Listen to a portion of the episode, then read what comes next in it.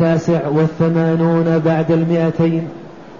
عن زيد بن خالد الجهني رضي الله عنه قال سئل رسول الله صلى الله عليه وسلم عن لقطة الذهب أو الورق.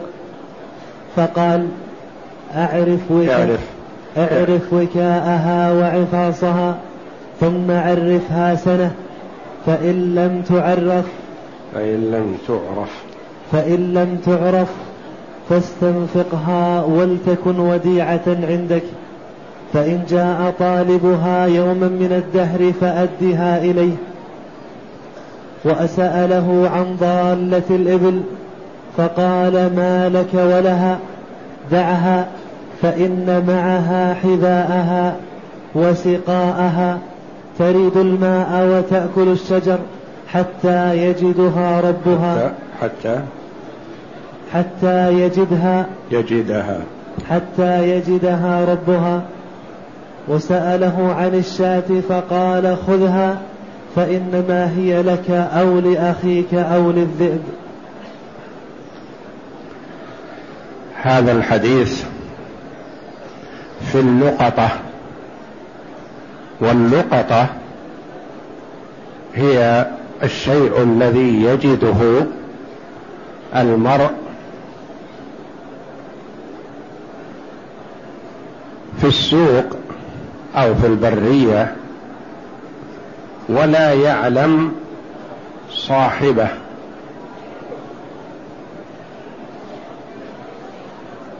واللقطة ثلاثة أنواع. نوع لا قيمة له أو قيمته بسيطة.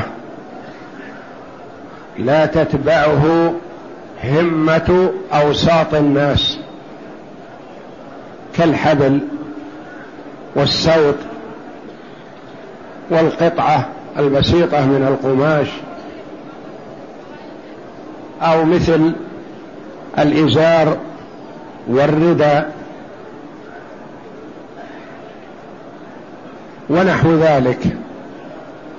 هذه للمرء أن يأخذها وينتفع بها ولا يعرفها لأن قيمتها بسيطة والغالب أن صاحبها تركها لا يريدها. النوع الثاني هو ما له قيمة ولا يستطيع أن ينقذ نفسه كصغار المواشي مثلا وكالغنم و ومثل ذلك الذهب والفضة والأمتعة ذات القيمة هذه تلتقط وهي المرادة بهذا التبويب. وسيأتي حكمها. النوع الثالث ما يستطيع إنقاذ نفسه. ينقذ نفسه. إما بقوته البدنية. كالإبل. وإما بقوته الطيرانية يطير كالطيور. وإما بقوته السرعية السبق والإسراع كالغزال والظبي ونحوها. هذه ما تلتقط. لأن الإبل تنقذ نفسها من الوحوش بقوتها. والطيور تنقذ نفسها بالطيران. والظبي ونحوه ينقذ نفسه بسرعة الفرار. فهذه لا تلتقط. لو رآها الإنسان فلا يأخذها بل يدعها لأنها بإمكانها أن تنقذ نفسها حتى يجدها صاحبها.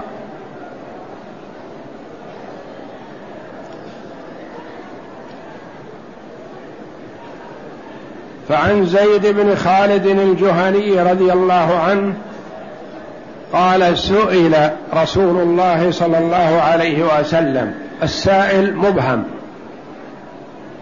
والمسؤول النبي صلى الله عليه وسلم عن لقطة الذهب والورق.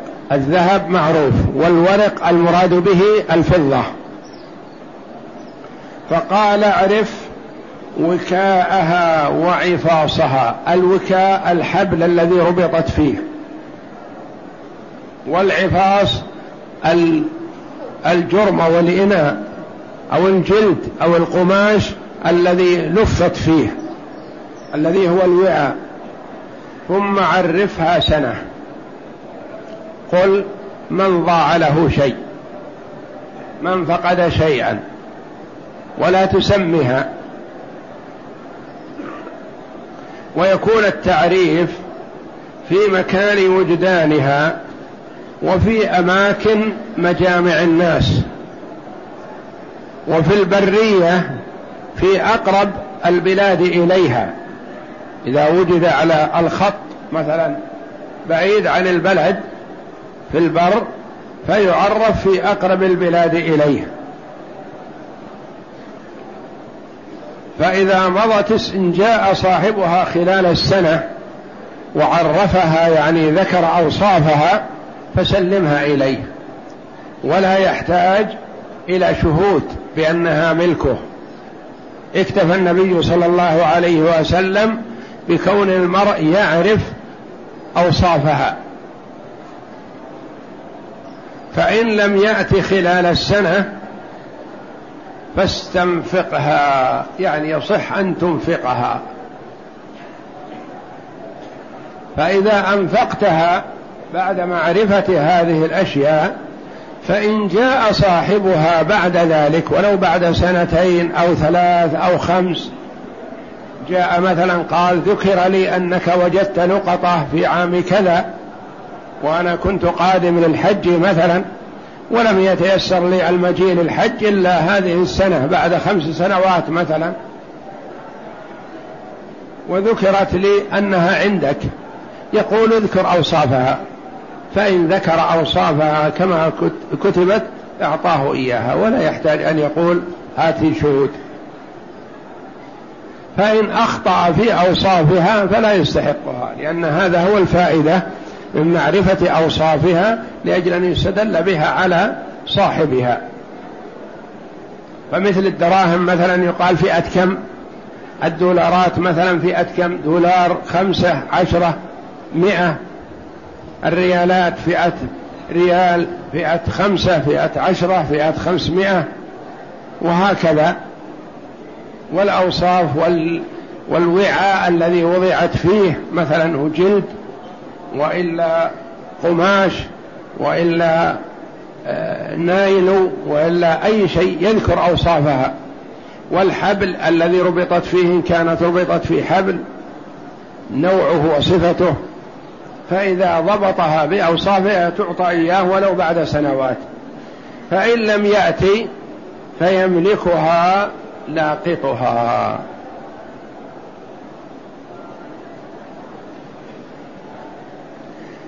فإن لم تعرف فاستنفقها ولتكن وديعة عندك يعني بمثابة الوديعة. والوديعة لها أحكام.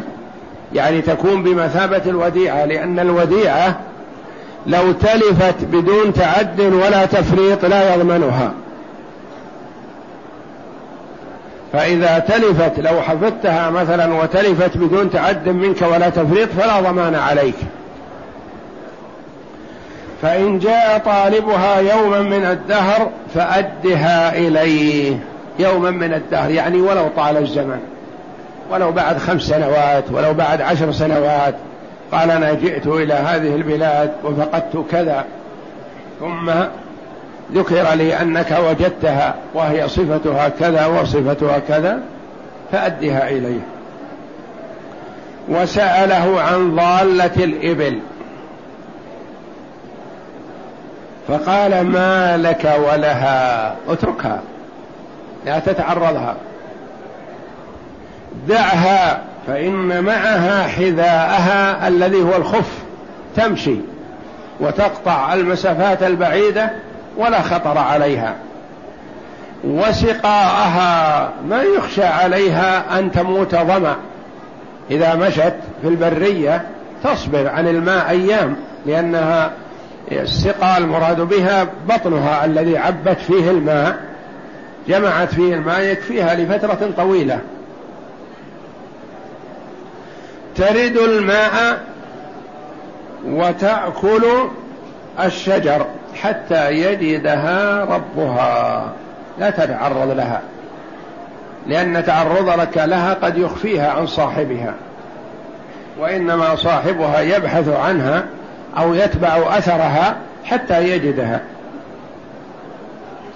وسأله عن الشاة فقال خذها.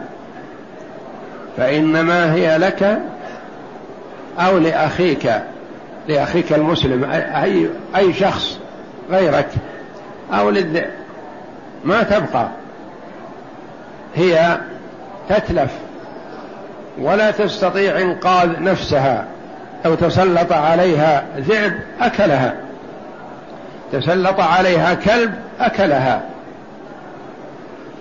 فما تستطيع إنقاذ نفسها وربما تموت ظمأ. تكون في مكان ما ما حولها أحد فتموت. لأنها ما تصبر عن الماء ولا عن الأكل مثل صبر الإبل. فهذا السائل أتى بأنواع يقاس عليها ما شابهها. ألهمه الله جل وعلا أن يسأل رسوله صلى الله عليه وسلم عن هذه الأنواع الثلاثة مع أن اللقطة تكون أشكال وألوان ومئات لكنها كلها غالبا ترجع إلى هذه الثلاث. عين قد تأخذها يد ظالمة فتخفيها كالذهب والفضة والأمتعة مثلا. حيوانات قوية أو ضعيفة وهذه هي المفقودات. شيء صامت وهذا إن لم تأخذه ربما أخذته يد ظالمة سارقة فتخفيها. حيوان صغير أو كبير. حيوان ينقذ نفسه أو لا ينقذ نفسه. فالذي ينقذ نفسه ويستطيع أن يبقى فبقاؤه وتركه في مكانه أولى لأنه أقرب لصاحبها أن يجدها. حيوان لا ينقذ نفسه. ربما دخلت العنز أو الشاة في خربة مثلا وما خرجت وماتت. ما وجدت ماء ما وجدت أكل وماتت. ما تستطيع أن تنقذ نفسها ولا تصبر عن الماء والعشب والطعام. فقال النبي صلى الله عليه وسلم في هذه خذها لأنك إما أخذتها أخذها غيرك وإن لم يأخذها الغير أكلها الذئب.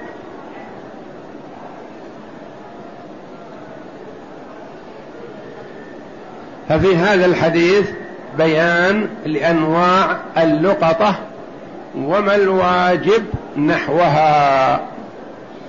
وهذه في غير لقطة الحرم. أما لقطة الحرم فلها مواضع أخرى. فإن خشيت عليها السراق فخذها وابحث عن صاحبها لأنه لا يحل أخذها إلا لمنشد لا تتملك والأولى لك أن تتركها في مكانها لعل صاحبها أن يعود إليها فيجدها أكره. الغريب وكاءها بكسر الواو ممدود. ممدود الوكاء. ما يربط به الشيء. عفاصها بكسر العين المهملة ففاء وبعد الألف صاد مهملة وهو وعاؤها. ولا يلزم أن يكون بها رباط أو يكون بها مثلا لفافة. هذا بيان من النبي صلى الله عليه وسلم لضبط أوصاف هذه اللقطة. فمثلا فراش تضبط أوصافه مثلا شنطة تضبط أوصافها وقفلها ولونها ونوعها جلد قماش نايل وهكذا. يعني كل لقطة بحسبها وما يلزم أن يكون فقط بس الوكاء والعفاص وإنما ما تتميز به هذه اللقطة عن غيرها حتى يمكن الاستدلال بهذه الأوصاف على صاحبها لأن صاحبها قد لا يستطيع أن يأتي بشهود بأن هذه له. مثلا كان معه دراهم في جيبه والدراهم التي معه ومع غيره كلها سواء. فما يمكن أن يحضر شهود أن هذه الدراهم لزيد أو لعمرو. وإنما ما دامت لقطة ولم يدعها إلا هذا فيسأل عنها. ما نوع هذه الدراهم؟ فضة ذهب أوراق مثلا. ما صفة هذه الأوراق مثلا؟ وما هي فئاتها تتميز. إذا كان صاحبها عرفها وإذا كان غير صاحبها مدعي وليست له فلا يعرفها فتبقى بيد ملتقطها. نعم. حذاءها بكسر الحاء المهملة فذال معجمة هو مهملة يعني بدون نقطة. معجمة هي المنقوطة. حذاء. بالذال نعم. هو خفها لمتانته وصلابته. خف الإبل شبه بالحذاء لأن الحذاء يقي الرجل وخف الإبل يقيها آه، الشوك والحصى ونحو ذلك. نعم. سقاءها بكسر السين هو جوفها الذي حمل كثيرا من الماء والطعام. لأن جوف الإبل واسع وقد تأكل الأكلات مثلا الأكلة في مكان واحد تكفيها لفترة طويلة. نعم. ربها هو صاحبها الذي ضاعت منه. ربها يعني صاحبها أو مالكها.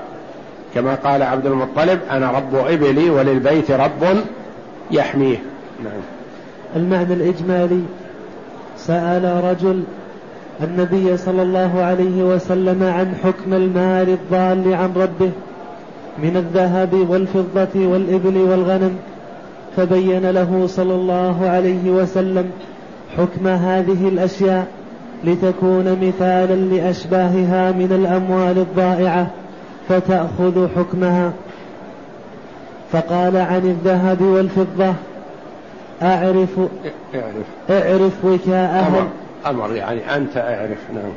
اعرف وكاءها الذي شدت به ووعاءها الذي جعلت فيه لتميزها من بين مالك ولتختبر بعلمك بها من ادعاها.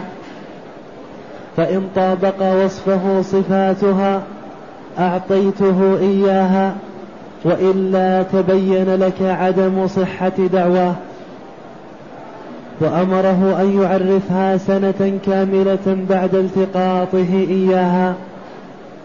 ويكون التعريف في مجامع الناس كالأسواق وأبواب المساجد والمجتمعات العامة وفي مكان التقاطها.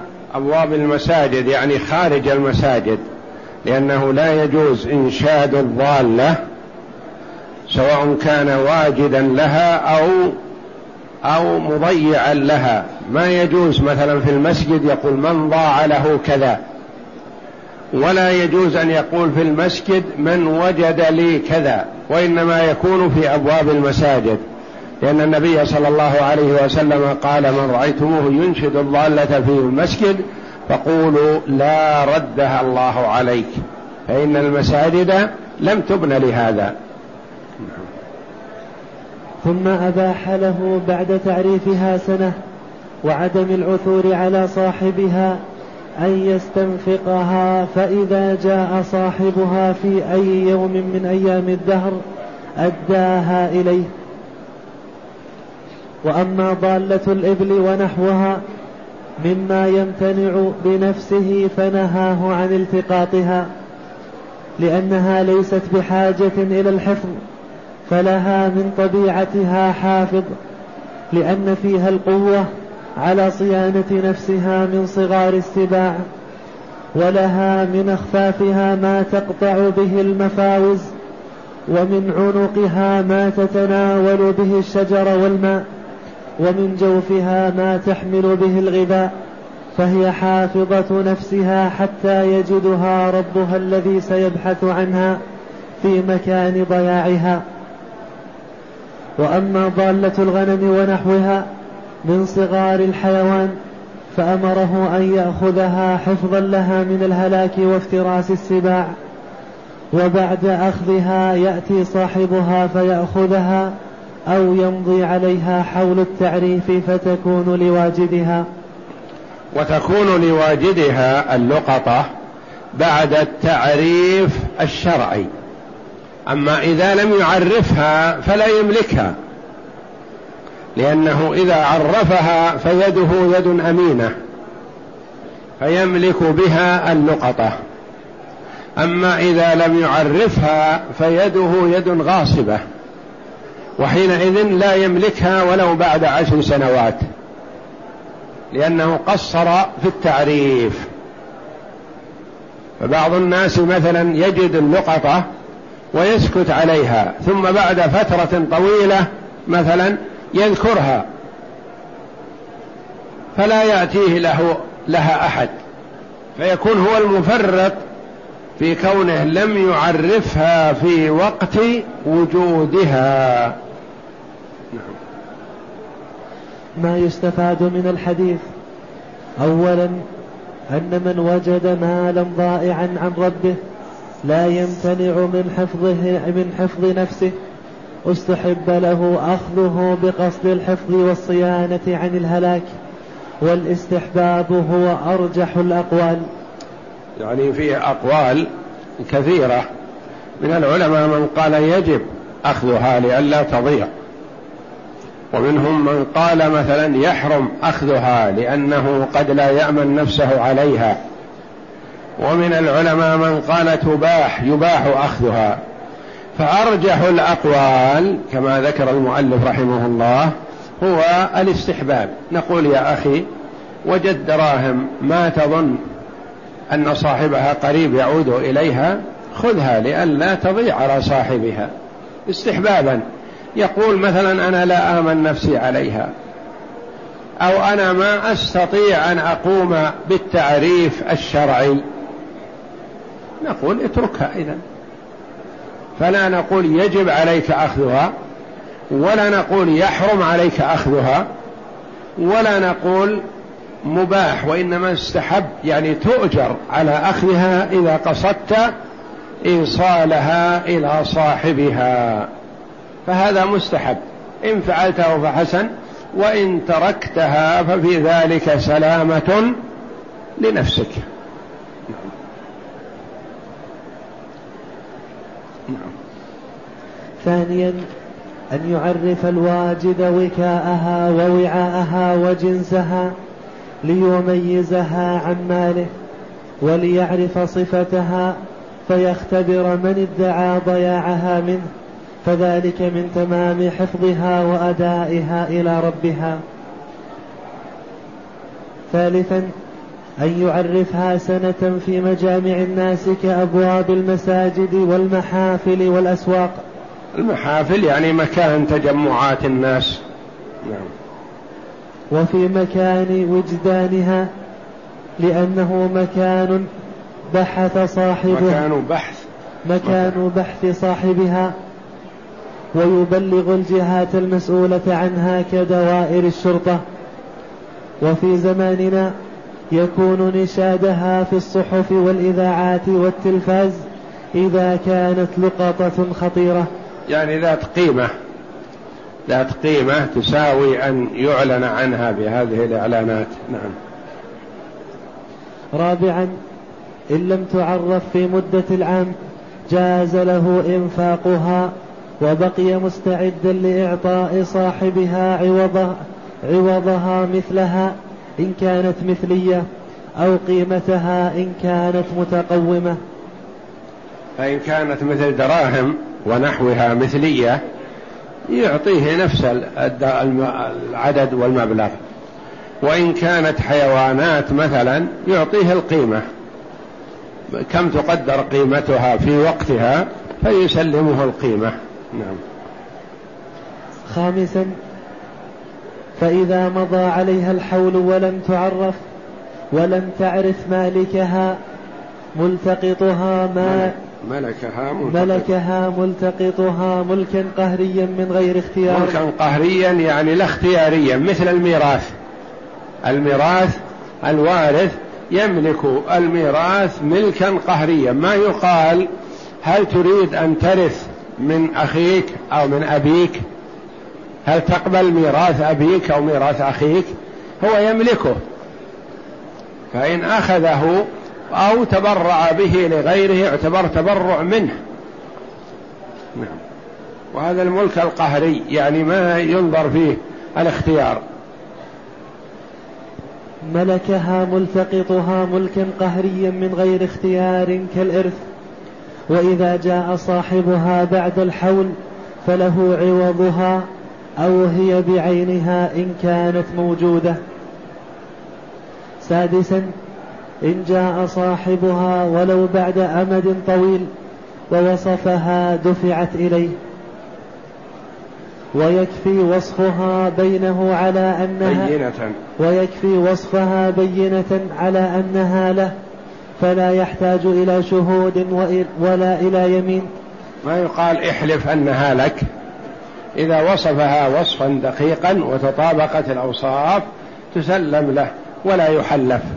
نعم. لأن وصفها هو بينتها فبينة كل شيء بحسبه فإن البينة ما أبان الحق وأظهره. يعني سميت البينة بينة لأنها تظهر الحق فكل ما أظهر الحق فيعتبر بينة. نعم. ووصفها كاف في ذلك. وهذه قاعدة عامة في كل الأحوال التي يدعيها أحد ولا يكون له فيها منازع. أما إذا كان له منازع فمرد الجميع إلى المحكمة وينظر القاضي في القضية بينهما. فيكتفي بوصفه إياها. فيكتفى فيكتفى. فيكتفى بوصفه إياها.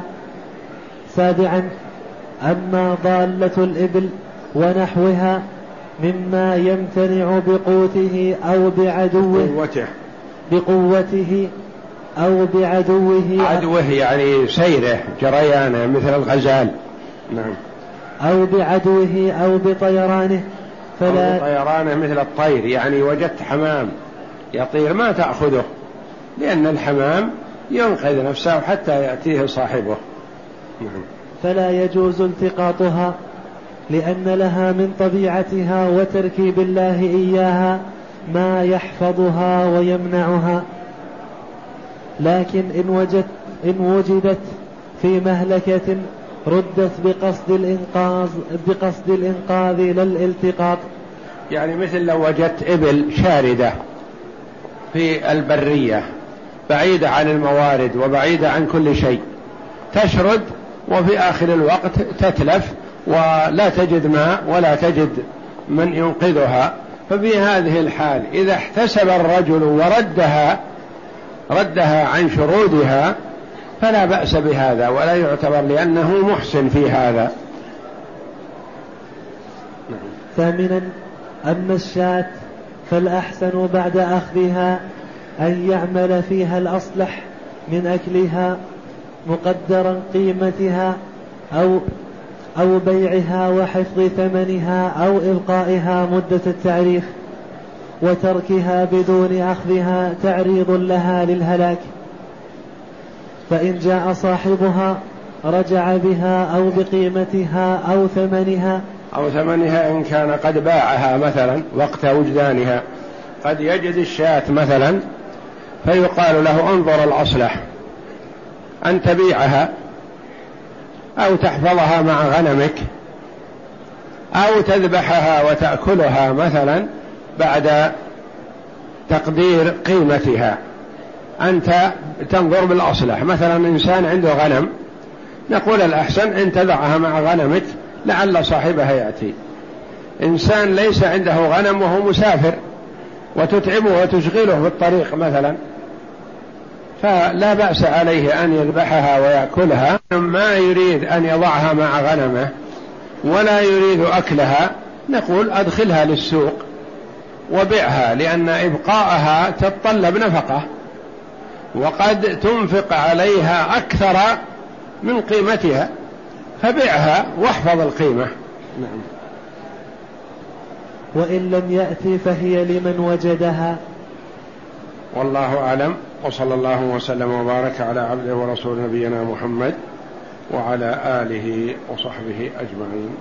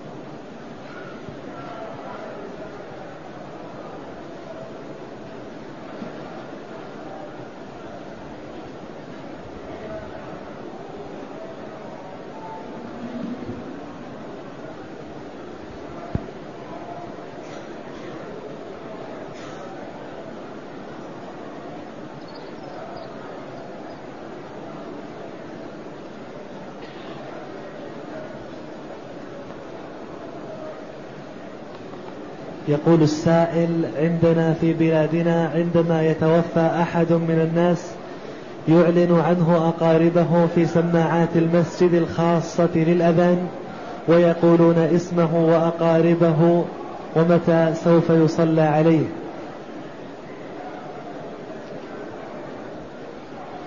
هذا الأمر إذا دعت الحاجة إلى ذلك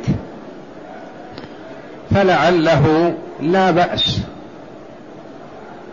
ولكن لا ينبغي أن يعلن إعلانا للناس عامة على رؤوس الأشهاد مثلا لأن هذا قد يكون من النعي المنهي عنه.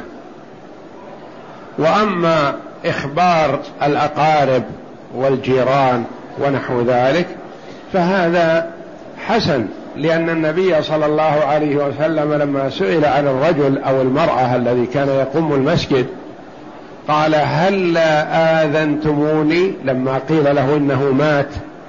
قال هل آذنتموني؟ يعني أخبرتموني. وكأنهم استصغروا أمره أو أمرها فلما مات شيعوه ودفنوه ما أخبروا النبي صلى الله عليه وسلم.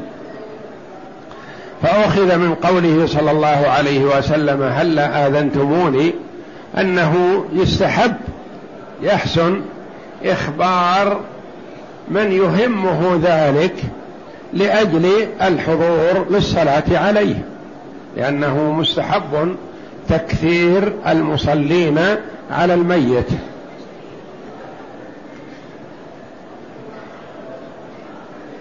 يقول السائل ما حكم رفع اليدين للدعاء بين الأذان والإقامة وبعد الصلوات؟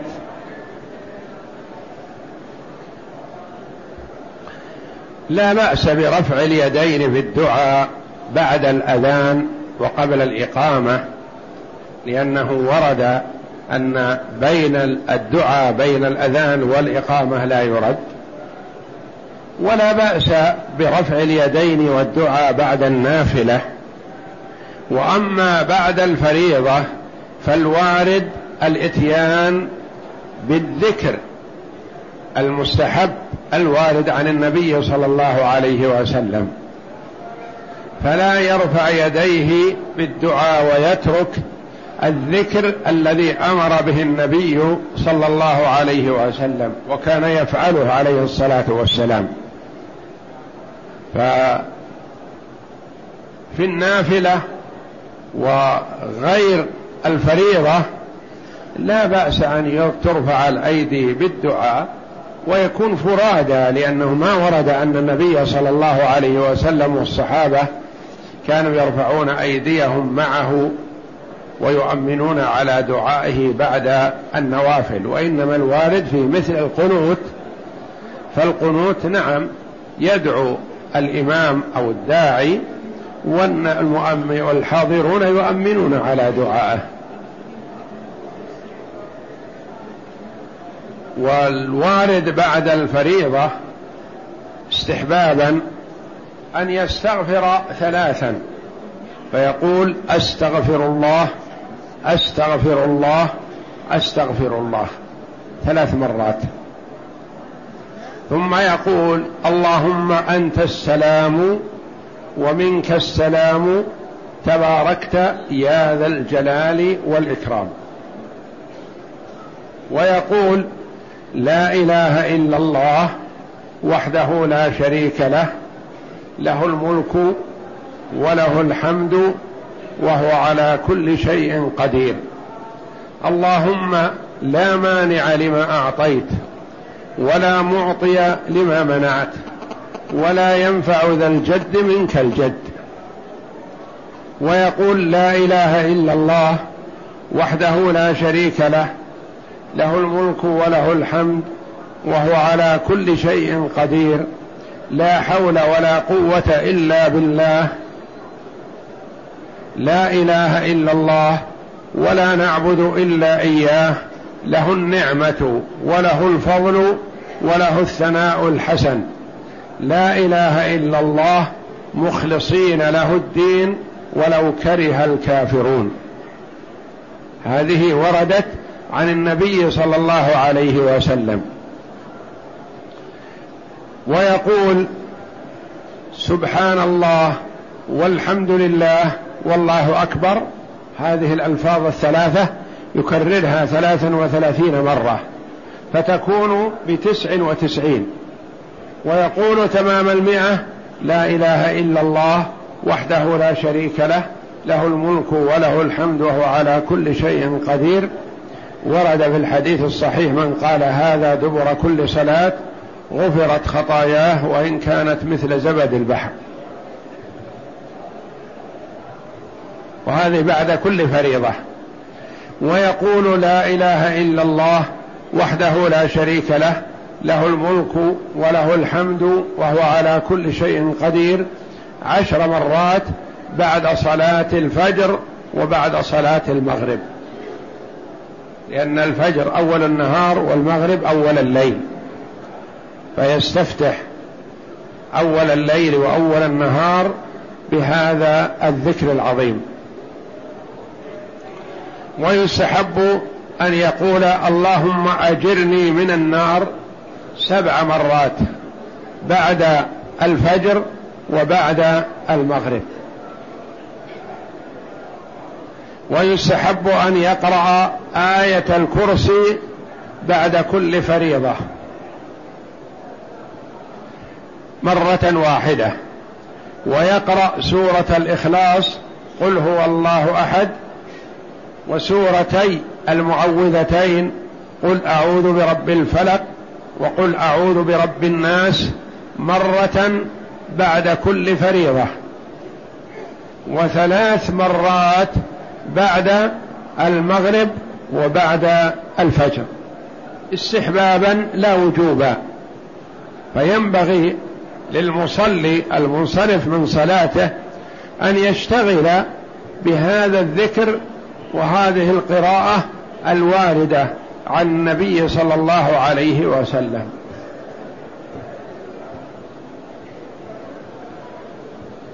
وهذا كله استحبابا. ومن ورد عن وقد ورد عن النبي صلى الله عليه وسلم في الحديث الصحيح المتفق عليه من قال لا إله إلا الله وحده لا شريك له له الملك وله الحمد وهو على كل شيء قدير في يوم مئة مرة.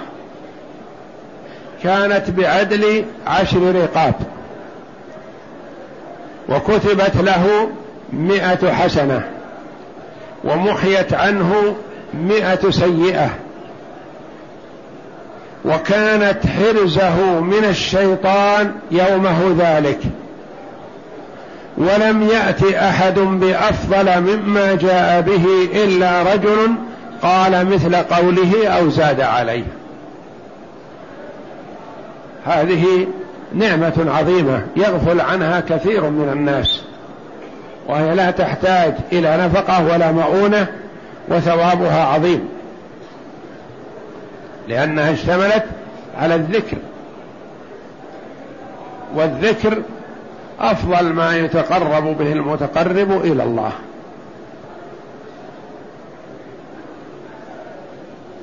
إن الصلاة تنهى عن الفحشاء والمنكر ولذكر الله أكبر.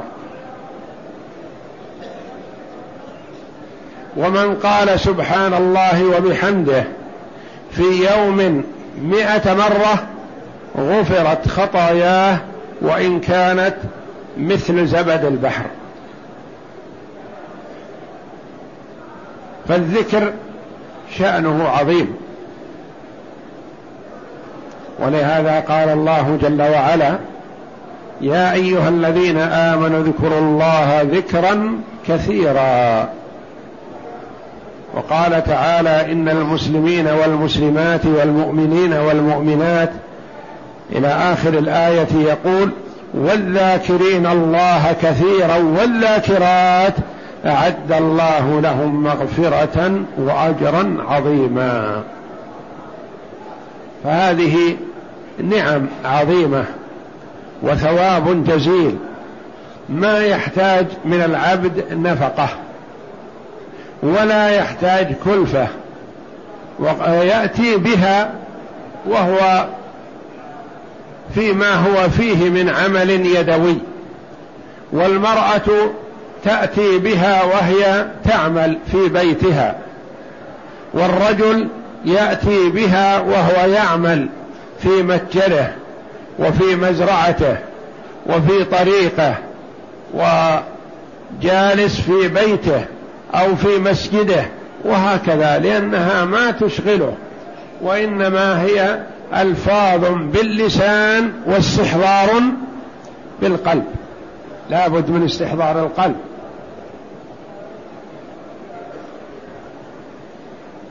فيحسن بالمسلم أن يهتم بالذكر وأن يكثر منه.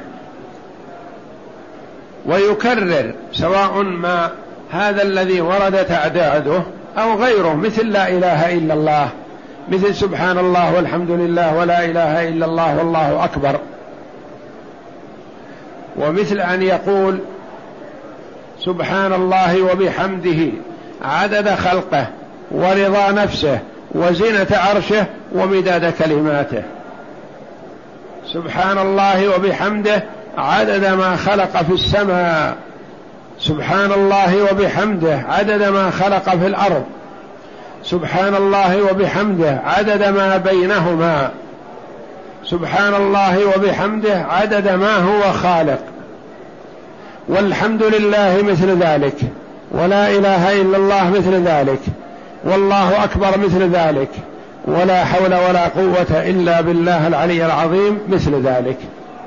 هذه عظيمة وثوابها جزيل عند الله سبحانه وتعالى.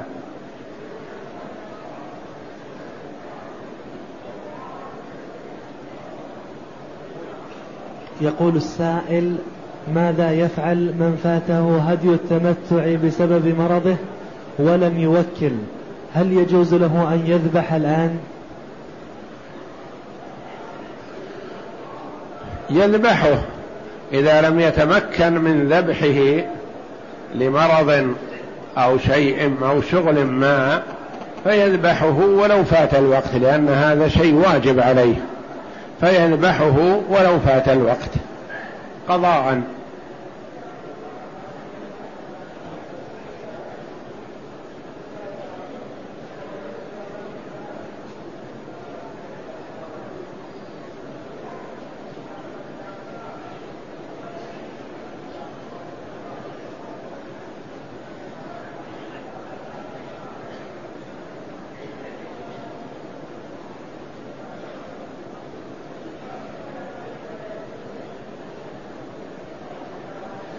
يقول السائل أريد أن أرسل زوجتي في السنة القادمة إن شاء الله لأداء فريضة الحج حي غير أنني لا أستطيع مصاحبتها لعدم وجود أي شخص آمنه على أولادي الصغار كما أن محارم زوجة الآخرين لا يستطيعون مصاحبتها لأداء فريضة الحج لمرض وغيره.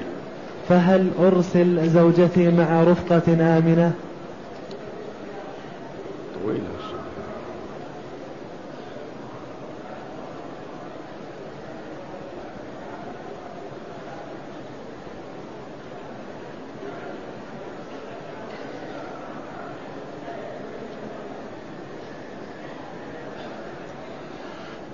يقول هل يجوز أن أرسل زوجتي لأداء فريضة الحج مع رفقة آمنة.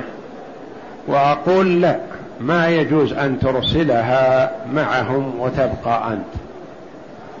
إن استطعت أن تذهب معها محرما لها فبها أو يذهب معها محرم لها من أخ أو أب أو عم أو خال أو أخ من الرضاعة ونحوهم من المحارم فلا بأس. وإلا ففي هذه الحال لا يجب عليها الحج لأنه لا يجوز لها أن تذهب وحدها.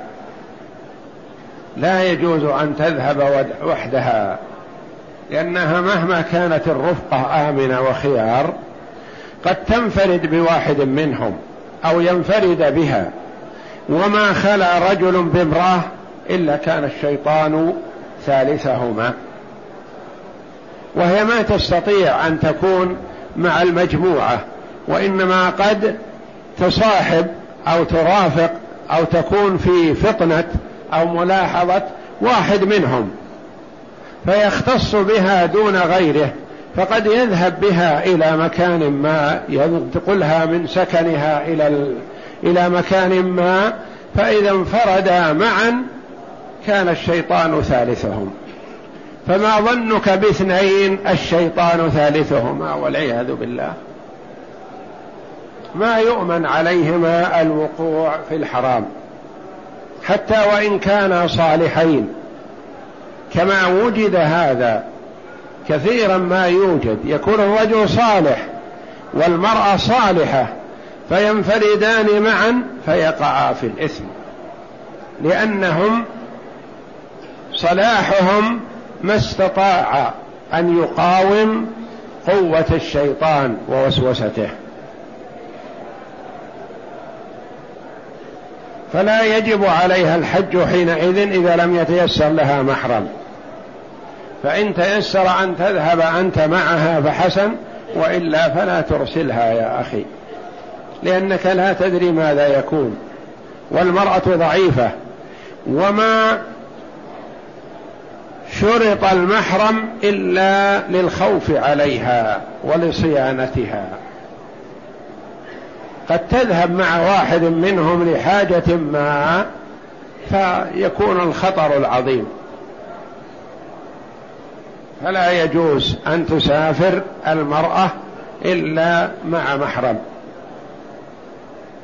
هي إذا سافرت مع ثقات من الأسر مثلا وحجت حجها صحيح لكن يرى كثير من العلماء أنها آثمة بحج بسفرها بدون محرم وحجها صحيح ويمكن أن يجتمع لها الإثم والحج.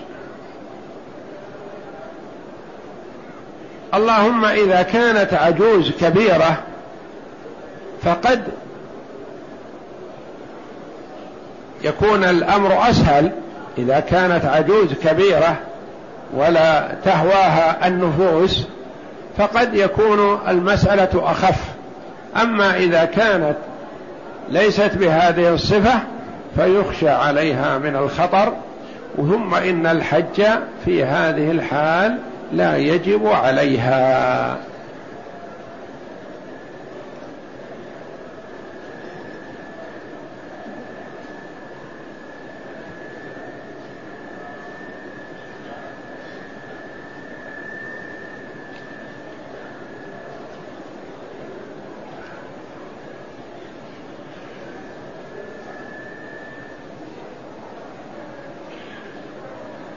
ويسأل عن إمكانية ترك الأولاد لوحدهم في البيت والسفر مع زوجته للحج.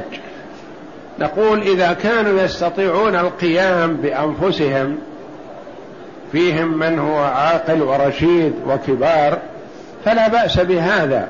وأما إذا كانوا صغارا ولا يستطيعون القيام بأنفسهم وإنما عليهم خطر بهذا فلا يجوز.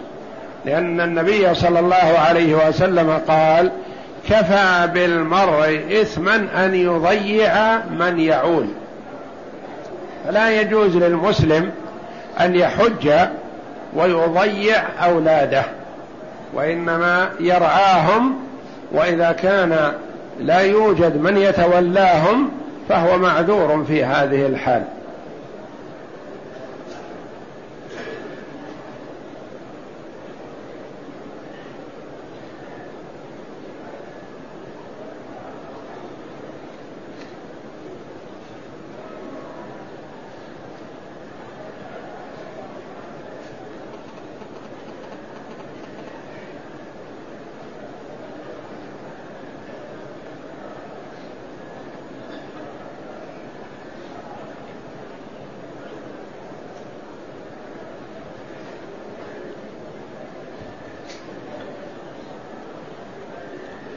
يقول باشرت زوجتي بعد طواف الإفاضة والسعي دون الفرج لأنها كانت حائض ولم تطف طواف الإفاضة.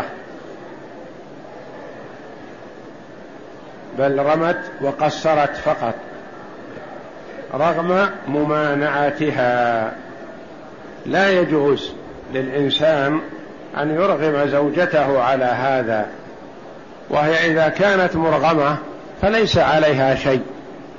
والزوج في هذه الحال يكون قد تحلل رمى وسعى وطاف وسعى وقصر يكون تحلل فهي إذا كانت مطاوعة فعليها الفدية وإذا لم تكن مطاوعة فليس عليها شيء.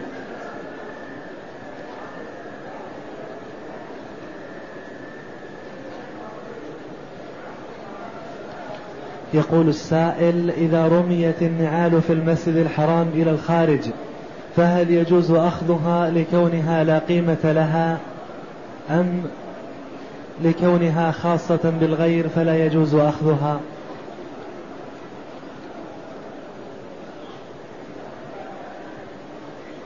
يقول أخذ النعال المرمية خارج المسجد الحرام.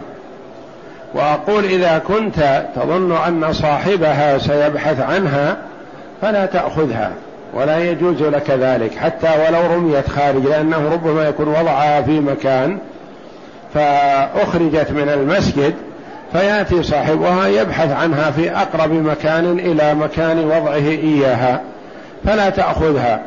إلا إذا كانت آه، من الأشياء التي يعرف أن صاحبها لا يبحث عنها كالأشياء التي هي رخيصة القيمة أو هي منوعة من شكلين أو نحو ذلك فممكن أن تأخذ من شكلين لأجل أن تقي نفسك الحرارة وتردها في مكانها يكون أحسن.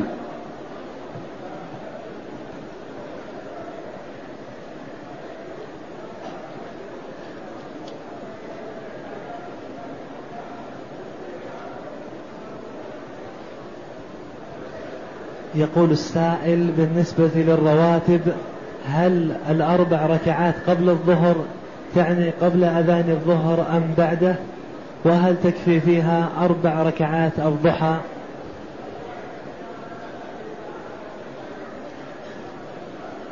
السنن الرواتب كلها بعد دخول الوقت يعني سنة الفجر ركعتان بعد طلوع الفجر.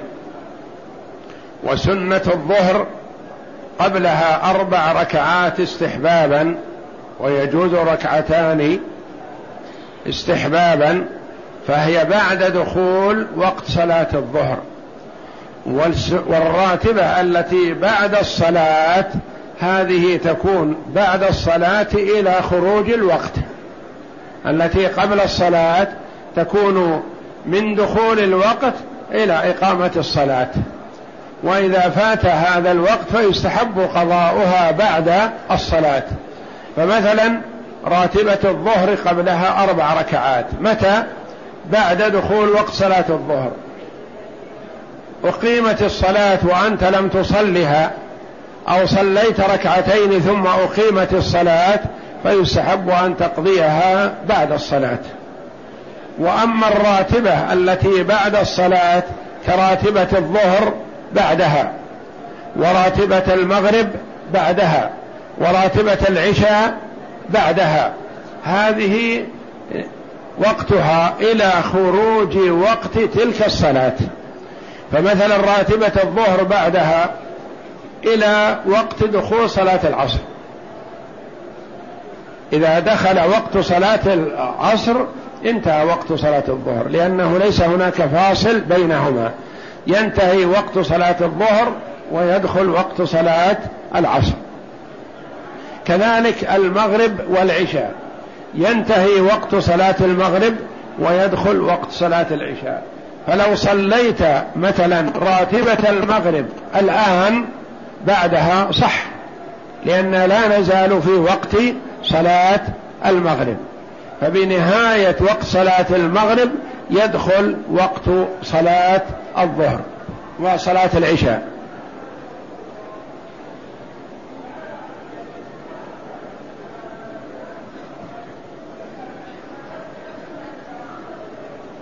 وهل تكفي فيها أربع ركعات الضحى؟ لا. ركعات الضحى هذه قبل دخول وقت صلاة الظهر. وراتبة الظهر قبلها بعد دخول وقت صلاة الظهر. يعني المراد في الحديث قبل الظهر يعني قبل الصلاة. وركعتان قبل الفجر مثلا قبل صلاة الفجر وليس قبل الدخول الوقت.